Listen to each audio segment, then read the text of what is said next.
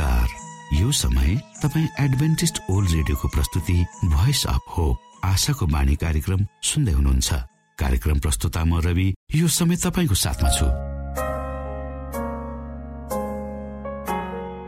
बाइबलले भन्दछ सारा भूमण्डल आकाश मण्डलको सृष्टिकर्ता परमेश्वर साँच्चै अचम्मको परमेश्वर हुनुहुन्छ। के तपाईँलाई थाहा छ? यस्तो सारा जगतको अधिपत्य परमेश्वर मानिस जातिले बुबा भनी बोलाएको रुचाउनुहुन्छ? परमेश्वर बादल पारिरहने केही डरलाग्दो न्यायकर्ता होइन। तर हामी हरेकको निम्ति आमा बुबा जस्तै नजिकको आत्मीय सम्बन्धमा रहने परमेश्वर हुनुहुन्छ।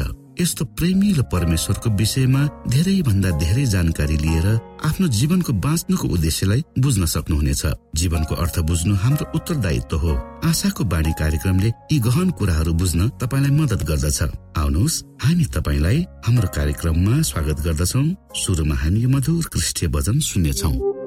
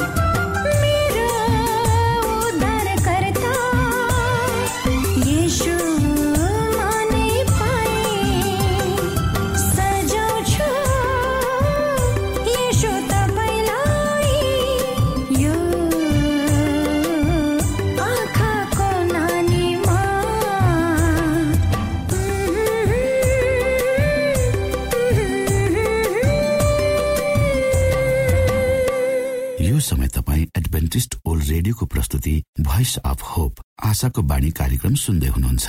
श्रोता मित्र यो समय हामी पास्टर उमेश पोखरेलबाट आजको बाइबल सन्देश सुन्नेछौ। श्रोता साथी न्यानो क्रिस्टी अभिवादन। म तपाईँहरूको आफ्नै आफन्त अर्थात् पास्टर उमेश पोखरेल परमेश्वरको वचन लिएर यो समय तपाईँहरूको बीचमा यो रेडियो कार्यक्रम मार्फत उपस्थित भएको छु। आउनुहोस् तपाईँ हामी केही समय सँगसँगै परमेश्वरसँग समय बिताउँ। र परमेश्वरको आशिषहरू प्राप्त गरौँ। आजको प्रस्तुतिलाई पस गर्नुभन्दा पहिले आउनुहोस् म परमेश्वरमा अगुवाईको लागि बिन्ती राख्नेछु।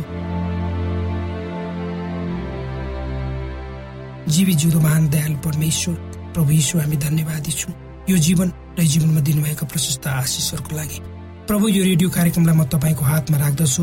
यसलाई तपाईँको राज्य महिमाको प्रचारको खातिर यो देश र सारा संसारमा तपाईँले पुर्याउनुहोस्। यसबाट धेरै आत्माहरूले तपाईँको राज्यमा प्रवेश गर्ने मौका पाऊ। त्यसबाट तपाईँको महिमा होस्। सबै बिन्ती प्रभु यीशुको नाममा। आमेन।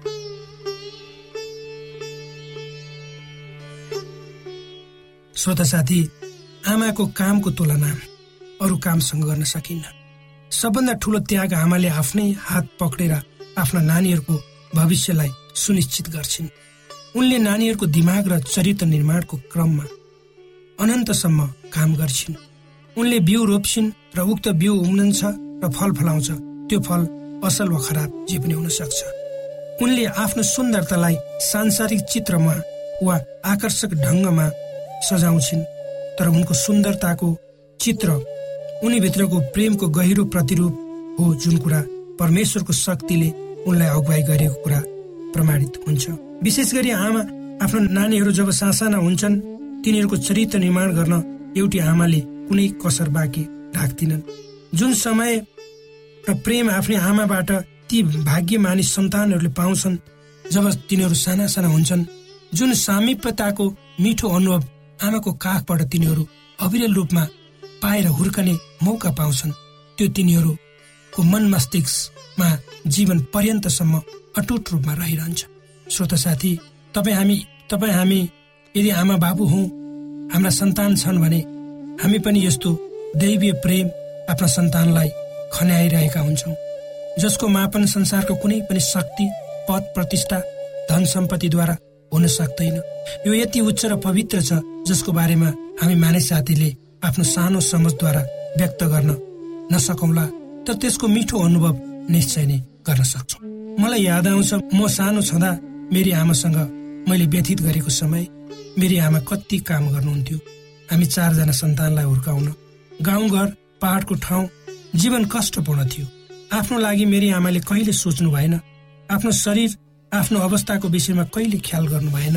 मलाई थाहा छ बुबा जागिरे हुनुहुन्थ्यो घरमा नबस्ने र सबै कुरा आमाले नै गर्नुपर्ने हुन्थ्यो। कयौँ रात मेरी आमा सुत्नु भएन कयौँ दिन उहाँले आफ्नो पेट खाली राख्नुभयो होला। कयौँ दिन रोएर बिताउनु भयो होला तर हामीलाई त्यसको आवाज हुन कहिले दिनु भएन। जहिले पनि उहाँ हामी चारजनाको निम्ति आफूलाई दिन तयार हुनुहुन्थ्यो त्यो उहाँको प्रेम यति पवित्र र गहिरो थियो त्यसको अनुभूति अहिले मलाई हुन्छ। जब म मेरा दुईजना नानीहरूलाई आफूसँग भएको कुरा बाँड्न चाहन्छु उनीहरूको सुख दुःखमा सहभागी हुन चाहन्छु उनीहरूसँग समय बिताउन चाहन्छु यदि मेरा नानीहरू बिरामी परे भने रातभरि म र मेरो श्रीमती उनीहरूको छेउमा बसी प्रार्थना गर्छु। उनीहरूलाई के चाहिन्छ ख्याल गर्छु र आफूलाई आफ्नो नानीहरूको विषय मात्र सोध्छौँ र जे जति गर्न सक्छौँ आफैलाई उनीहरूको खातिर रित्याउन पनि पछि पर्दैनौँ। र मेरा नानीहरू पनि हामी भनेपछि सबै थोक। उनीहरूले पाए जे गर्छन्। म घरबाट बाहिर गएर आउने बित्तिकै मसँग अङ्गालोमा बाँधिन लालयित भएर बसेका हुन्छन्। श्रोता साथी आमा बाबुले जब आफ्ना सन्तान साना हुन्छन् त्यति बेला नै उचित शिक्षा दीक्षा दिनुपर्छ। अनुशासनमा उनीहरूलाई हुर्काउनु पर्छ र जुन प्रेम तपाईँ आफ्ना नानीहरूलाई बाँड्नुहुन्छ। त्यही प्रेमद्वारा उनीहरू हुर्कनेछन् र त्यसै अनुसार जीवनमा फल फलाउनेछ। जस्तो शिक्षा दीक्षा तपाईँले दिनुहुन्छ जब तिनीहरू सानै कलिला हुन्छन् त्यही शिक्षाद्वारा उनीहरू बढ्छन् र त्यही रोपेको फल पछि फल्छ। नानीहरू हाम्रा अधीनमा हुन्छन्। उनीहरूको उचित हेरचाह हामीले गर्नुपर्छ र एउटी आमाले आफ्ना सन्तानहरूको लागि सबै कुरा राम्रोको निम्ति मात्रै गर्छ। त्यसकारण सबैले आफ्ना नानीहरूप्रतिको जिम्मेवारी स्वत स्फूर्त रूपमा स्वत स्फूर्त रूपमा समर्पित हुनुपर्छ। र आमाको सेवाको मूल्यको मापन सांसारिक कुनै पनि चिजले गर्न सक्दैन भन्ने बुझ्न जरुरी छ। उनको कामलाई त्यो महान दिनमा स्मरण गरिनेछ। आज संसारमा बढेका धेरै अपराधहरू असफलताहरूको कारण ती महिला र पुरुषहरूको कारणले भएको हुनसक्छ जसले आफ्ना सन्तानलाई जब उनीहरू सासाना थिए उचित हेरचाह गरेनन् उचित प्रेम बाँडेनन् उचित शिक्षा दिएनन् उनीहरूसँग समय बिताएनन्। त्यसकारण हामी आमा बाको जिम्मेवारी यो हो कि आफ्ना सन्तानहरूलाई उचित शिक्षा दीक्षा दिने उनीहरूको हेरचाह गर्ने उनीहरूलाई चाहिने सबै किसिमका भावनात्मक आर्थिक सामाजिक र स्वास्थ्य सम्बन्धी कुराहरूमा सचेत रही आफूले गर्न सक्ने सबै कार्यहरू गर्नुपर्छ। यदि यो कुरा तपाईँ हामीले बुझ्यौँ र त्यसै अनुसार उनीहरूको निम्ति जिउने कोसिस गर्यौँ भने हाम्रा सन्तानहरू भविष्यमा गएर सफल नागरिक हुनेछन् र उनीहरूले प्रशस्त आशिषहरू प्राप्त गर्नेछन् भने त्यसबाट हामीहरू अझ बेसी आशिषित हुनेछौँ। जब हामीले देख्छौँ कि आफूले रोपेको बिरुवा बढेको र फलेको त्यो बेला तपाईँ निश्चय नै आफूप्रति पनि धन्यवादी अवश्य हुनुहुनेछ। तपाईँको त्यागले तपाईँका सन्तानहरू आशिषित भएर जब फल्छन् फुल्छन् तब त्यसबाट तपाईँको घर मात्र होइन तपाईँको समाज देश नै आशिषित हुनेछ र धेरैले परमेश्वरको ज्योति तपाईँका सन्तानहरू मार्फत देख्नेछ र परमेश्वरको पवित्रतामा तिनीहरू अगाडि बढ्नेछ जसबाट परमेश्वरको प्रेमको वास्तविकतालाई मानिसहरूले आफ्नो जीवनमा बुझेर अनुभव गर्न सक्नेछ त्यसकारण हामीले आफूलाई विनम्र बनाई आफ्नो समय परमेश्वरमा बिताउनु पर्छ र हाम्रो समर्पणताको प्रार्थनाले हाम्रा नानीहरूलाई सही बाटोमा हिँड्न अभिप्रेरित गर्दछन्। पवित्र धर्मशास्त्र बाइबलको यसैया भन्ने पुस्तकको पचपन्न अध्यायको एघार पदमा यसरी लेखिएको छ त्यसरी नै मेरो मुखबाट निस्कने मेरा वचन पनि हुनेछ। त्यो म कहाँ व्यर्थ फर्कने छैन तर मैले इच्छा गरेको काम त्यसले पुरा गर्नेछ। जुन कामको निम्ति म त्यसलाई पठाउँछु त्यसमा त्यो सफल हुनेछ। श्रोता साथी आमा त्यो बेला रुने गर्थिन्। जब तपाईँ हामी सानै थियौँ भोकले छटपिटेर हामी रुँदा दुध र खाना खुवाउँथिन् दुख बिमार पर्दा मर्छ कि भनेर आँखाबाट आँसु झार्दै डक्टर कहाँ लान्थिन्। अझै पनि आमा रुने गर्छिन् भनेर भनिन्छ किनकि विडम्बनाको कुरो छ। जब आमालाई भोक लाग्छ छोराछोरीहरूले उनलाई खाना दिँदैन। बिरामी हुँदा ओखती गरिदिँदैनन्। र मिठो शब्दमा आमा तपाईँलाई के भयो? भनेर सोधिदिँदैन।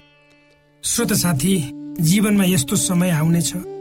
त्यस अवस्थामा हामीले आफूसँग भएका सबै कुराहरूलाई पछाडि छोड्नुपर्छ र जीवनलाई नयाँ गरी सुरुवात गर्नुपर्छ।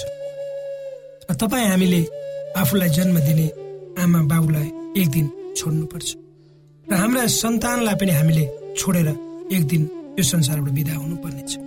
तर यो कुरा कहिले नबिर्सनुहोस् कि विगतमा जो तपाईँसँग हुनुहुन्थ्यो जसले तपाईँलाई दुःख सुखमा साथ दिनुभयो जसले तपाईँको सदैव हित चिताउनु भयो त्यसलाई कहिले पनि नबिर्सनुहोस्। हाम्रा जीवनका सबै कुराहरू परमेश्वरको नजरमा छन्। हामी के गर्छौँ? हामी के गर्दैनौँ? हामी के सोच्छौँ र के सोच्दैन? किनभने परमेश्वर जान्नुहुन्छ।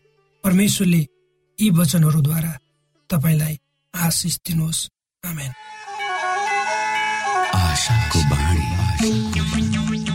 श्रोता भर्खरै यहाँले पास्टर उमेश पोखरेलबाट बाइबल वचन सुन्नुभयो। यो समय तपाईँ एडभेन्टिस्ट ओल्ड रेडियोको प्रस्तुति भोइस अफ होप आशाको बाणी कार्यक्रम सुन्दै हुनुहुन्छ। कार्यक्रम सुनेर बस्नुहुने सबै श्रोतालाई हामी हाम्रो कार्यक्रममा स्वागत गर्न चाहन्छौ। श्रोता मित्र यदि तपाईँ जीवनदेखि हरेस खानु भएको छ तपाईँका जीवनमा धेरै अनुत्तरित प्रश्नहरू छन् भने आउनुहोस् हामी तपाईँलाई परमेश्वरको ज्योतिमा डोहोर्याउन चाहन्छौँ र तपाईँ आफ्नो जीवनका चिन्ता फिक्रीबाट निश्चिन्त हुनुहोस् र बाँच्नुको आनन्द परमेश्वरको सामिप्यमा कति मिठो हुन्छ त्यो चाख्नुहोस् भनी हामी चाहन्छौँ। श्रोता यदि तपाईँ आशाको बाणी कार्यक्रमलाई अनलाइन सुन्न चाहनुहुन्छ वा डाउनलोड गर्न चाहनुहुन्छ भने डट ओआरजीमा जानुहोस्। त्यहाँ तपाईँले प्रत्येक दिनको कार्यक्रम सुन्न र डाउनलोड गर्न सक्नुहुनेछ। हाम्रो वेब पेज यस प्रकार छ डब्लु डट श्रोता यदि तपाईँ हामीसित सिधै फोनमा सम्पर्क गर्न चाहनुहुन्छ भने हाम्रा नम्बरहरू यस प्रकार छन्। अन्ठानब्बे एकसाठी पचपन्न शून्य एक सय बिस. अन्ठानब्बे एकसाठी पचपन्न शून्य एक सय बिस. र अर्को अन्ठानब्बे अठार त्रिपन्न पन्चानब्बे पचपन्न. अन्ठानब्बे अठार त्रिपन्न पन्चानब्बे पचपन्न. श्रोत साथी न्यानो क्रिस्ट अभिवादन। म तपाईँको आफ्नै अर्थात् पास्टो मिस पोखरेल परमेश्वरको गवाई लिएर तपाईँहरूको बिचमा पुनः उपस्थित भएको छु। यो गवाई पेरु भन्ने देशबाट आएको छ। यसरी लेखिएको छ।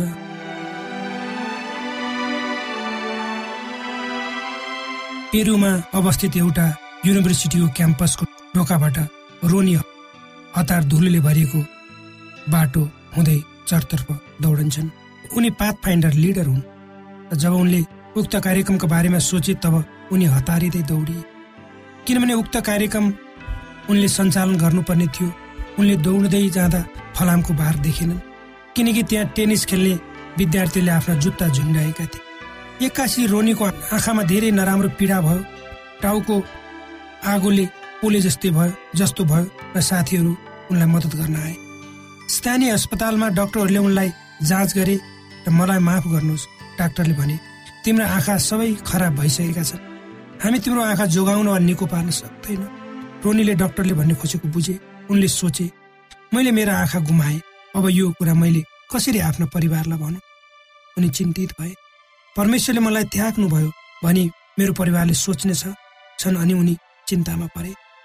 त्यस ठाउँका सबैभन्दा ठुला आँखाका डाक्टरले रोनीले गुमाएको आँखाको बारेमा थाहा पाए र त्यो बिग्रिएको आँखालाई तुरन्तै झिकेर फाल्नुपर्छ। अन्यथा पुरै भित्र संक्रमण हुने कुरा रोनीलाई बताए र आँखा निकाल्न अनुमति पत्रमा रोनीलाई हस्ताक्षर गर्न आग्रह रोनीले डाक्टरसँग आग्रह गर्दै भने कि यदि उनको आँखा यस्तो हुनुमा परमेश्वरको कुनै इच्छा वा योजना छ भने यस्तै रहन दिनु। यो आँखा केही समयको लागि ननिकाल्न डाक्टरलाई आग्रह गरे। मन नलागी नलागी डाक्टरले उनको कुरा सुने। रोनी अस्पतालको सैयामा परमेश्वरको अचम्मको योजनाको बारेमा प्रार्थना गर्दै बसे। रोनी चौध वर्षका छन्। उनी आफ्ना आमा बाबुको छोट पत्र भएपछि एक्लै बस्न थालेका हुन्। उनी आफ्ना आफ्ना जीवनदेखि वाक्क भइसकेका थिए र आफ्ना जीवनमा केही राम्रो कुराको आशामा बाँचेका पनि थिए। उनी आफ्ना साथीहरूसित घर फर्के उनले एउटा धुलो धुलै धुलोले छोपेको एउटा किताब भेटाए जसमा परमेश्वरको बारेमा लेखिएको थियो। जब उनले त्यो किताब पढे त्यसपछि अझ बढी उनलाई परमेश्वरको बारेमा जान्ने इच्छा भयो। उनले सुसमाचार्य मिनिस्ट्रीको बारेमा थाहा पाए र उनी त्यस कार्यक्रममा भाग लिन गए। उनका साथीहरू उक्त कार्यक्रममा हल्ला गरेर बस्ने गर्थे तर उनी त्यस कार्यक्रममा दिएको वचन राम्ररी सुन्ने गर्थे। शुक्रबारको राति आफ्ना साथीहरूसित रोनी पनि बाहिर जान जाने विचार गरे तर उनले मिटिङ छुट्ने सम्झिएर आफ्नो विचार परिवर्तन गरे र मिटिङ हलभित्र छिरे। उनी पछाडिका अरू साथीहरूलाई छाडेर अगाडि बस्न गए। जब वक्ताले आफ्नो हृदय परमेश्वरलाई दिन को इच्छुक हुनुहुन्छ भने अगाडि आउनुहोस् भनेर भने रोनी सबैभन्दा पहिला अगाडि गए। रोनीका साथीले उनको विषयमा उडाइरहेका थिए। उनलाई जिस्क्याउँदै हाँस्दै भनिरहेका थिए तर जुनसुकै अवस्था भए पनि रोनीको जीवनमा त्यही एक रातले परिवर्तन ल्यायो। उनले बहुमूल्य कुरा आफ्नो जीवनमा प्राप्त गरे। रोनीले बत्तीसमा लिए र त्यो सानो चर्चको सदस्य भए। त्यहाँ उनलाई युवाहरूको साबत स्कुल चलाउन र पाथ फाइन्डरकोलाई सहयोग गर्न उनलाई आग्रह गर्यो। पास्टरले उनको लिडरसिप क्षमतालाई बुझे र उनलाई सानो ग्रुप बनाएर सदस्यको घरमा मिटिङ सञ्चालन गर्न आग्रह गरे। रोनीले आफ्ना छिमेकीहरू र आफ्ना स्कुलका सबै साथीहरूलाई बोलाए र छिट्टै उनले भन्दा बढी समूहहरू बनाउन सफल भए। रोनीको परिवारले उनको निर्णयको बारेमा थाहा पाए र उनले किन यस्तो निर्णय लिन पुगे उनलाई के भयो भन्ने बुझ्न सकेन। जब रोनीले परमेश्वरले आफूलाई पास्टर बन्न बोलाउनु भएको कुरा बताए तब उनका बाबु उनीसँग रिसाए। यदि तिमी त्यस्तो गर्ने भए तिम्रो कुनै पनि कुराको जिम्मेवारी म लिन्न। आफ्नो सबै कुरा आफै गर मलाई मतलब छैन उनको बुवाले भने। रोनीको पास्टरले उनलाई हौसला दिए र एडभेन्टिज हाई स्कुलमा पढ्नको लागि सल्लाह दिए। रोनी आफ्नो जीवन सफल बनाउन कडा मेहनत गरी काम गर्न थाले। जब उनले ग्रेजुएसन गरे त्यसपछि उनी पेरु भिरान युनिभर्सिटीमा भर्ना भए। उनको स्थानीय मिसन ले उनलाई सहयोग गर्यो। र उनले आफ्नो साहित्यिक खुबीलाई बेचेर आफ्नो पढाइको खर्च जुटाए। उनी आफूले आफूलाई आशिषित भएको अनुभव गर्ने गर्थे र उनलाई थाहा थियो कि परमेश्वरले उनलाई चलाइरहनु भएको छ। त्यसपछि रोनीको जीवनमा उक्त दुःखदायी घटना घट्न पुग्यो। त्यसपछि रोनी अस्पतालको कोठामा पीडादायक दुखाइको साथमा सुतिरहेका हुन्छन्। उनको भविष्यको कुनै निश्चितता छैन। उनी मात्र बारम्बार प्रार्थना गरिरहन्छन्। उनी भन्छन् प्रभु तपाईँको इच्छा ममा पुरा होस्। यदि तपाईँ मलाई एउटा मात्र आँखाको पास्टर बनाउन चाहनुहुन्छ भने पनि मलाई स्वीकार गर्ने योग्य छ। यदि तपाईँको महिमा चाहनुहुन्छ भने मेरा आँखा मलाई दिनुहोस्। उनी आफ्नो परिवारप्रति पनि चिन्तित थिए किनभने जब उनको आँखाको बारेमा थाहा हुनेछ त्यसपछि कस्तो प्रतिक्रिया आउला भन्नेमा उनी चिन्तित थिए। तर जब उनीहरूले उक्त दुर्घटनाको बारेमा थाहा पाए त्यसपछि उनलाई बोलाएर हौसला प्रदान गर्ने काम गरे। उनले सानो अवसर पाउने बित्तिकै आफ्नो भविष्य परमेश्वरको हातमा छ भने आफ्ना परिवारलाई भन्ने गर्दथे। एक एक गर्दै उनकी दिदी बहिनी आमा र अन्य परिवारका सदस्यहरूले उनको विश्वासिलो जीवन परिवर्तन भएको स्वीकार रोनीकी बहिनी अहिले बाइबल अध्ययन गर्दैछिन् र अरू आफ्ना साथीहरूलाई पनि रोनीको वचन सुन्न ल्याउन सहयोग गर्छन्। रोनीलाई थाहा छैन कि परमेश्वरले उनको आँखा ठिक पार्नुहुन्छ कि हुन्न। रोनीको आँखाको शल्यक्रियामा जानु अगाडि रोनी प्रार्थना गर्छन् र उनको जीवनमा परमेश्वरको इच्छा पूरा होस्। जब उनी उनको आँखाको शल्यक्रियापछि भ्युजिन्छन् उनले धेरै दुखेको महसुस गर्छन् र उनले आँखा देख्न सक्दैन। तब डाक्टर आएर रोनीलाई भन्छन् मैले तिम्रो आँखा निकाल्नु परेन। म भन्न सक्दिनँ यो चमत्कार कसरी भयो? तर तिम्रो आँखा बिस्तारै निको हुँदैछ रोनी त्यसको जवाब दिन सक्थे किनभने परमेश्वरले उनको प्रार्थनाको उत्तर दिनुभएको थियो भने रोनीका सम्पूर्ण दुखाइहरू उनले बिर्से। रोनीको आँखाको शल्यक्रिया अझै गर्नुपर्नेछ तर रोनीलाई पुरा विश्वास छ कि उनको आँखा परमेश्वरले निको पार्नुहुन्छ भने। रोनी भन्छन् परमेश्वरले यो दुर्घटना पार्नु भएको ताकि मैले उहाँको प्रेम अरूलाई बाँड्न सक र यो परमेश्वरको प्रेमबाट धेरैजना परमेश्वरमा आउनेछन्। रोनीको आँखाको ज्योति बिस्तारै आउँदैछ। रोनी परमेश्वरमा प्रार्थना गर्छन् र जुन डाक्टरले रोनीको उपचार गर्नुभयो। त्यो डाक्टर मार्फत परमेश्वरले काम गर्नुभयो भनेर रोनी विश्वास गर्छन्। रोनी त्यस्तो स्थानबाट आएका हुन् जहाँ जहाँ सासाना झुन्डाहरू मात्र छन् र त्यहाँ ठुला चर्चहरू छैन र रोनी त्यो ठाउँमा परमेश्वरको ठुलो मण्डली होस् भनेर चाहन्छन्। त्यसको लागि हामी रोनीको जीवनको लागि र रोनीको जीवनको योजनाको लागि तपाईँ हामीले प्रार्थना गरिदिउँ। यही मेरो अनुरोध छ।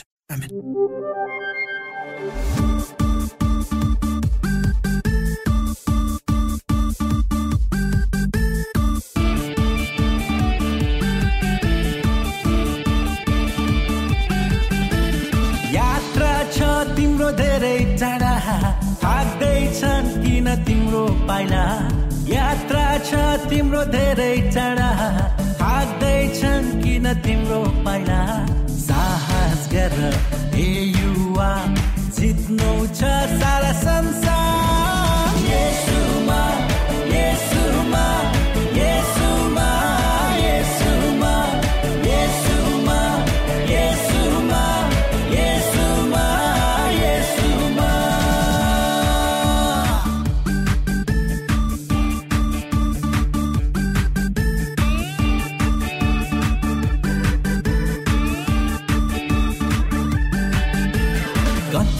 के हो तिम्रो?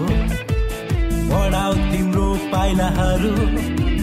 कसैले दोष नलाओस्। तिमी हिँड्ने बाटोहरू। गन्तव्य के हो तिम्रो? बढाउ तिम्रो पाइलाहरू। कसैले दोष नलाओस्। तिमी हिँड्ने बाटोहरू।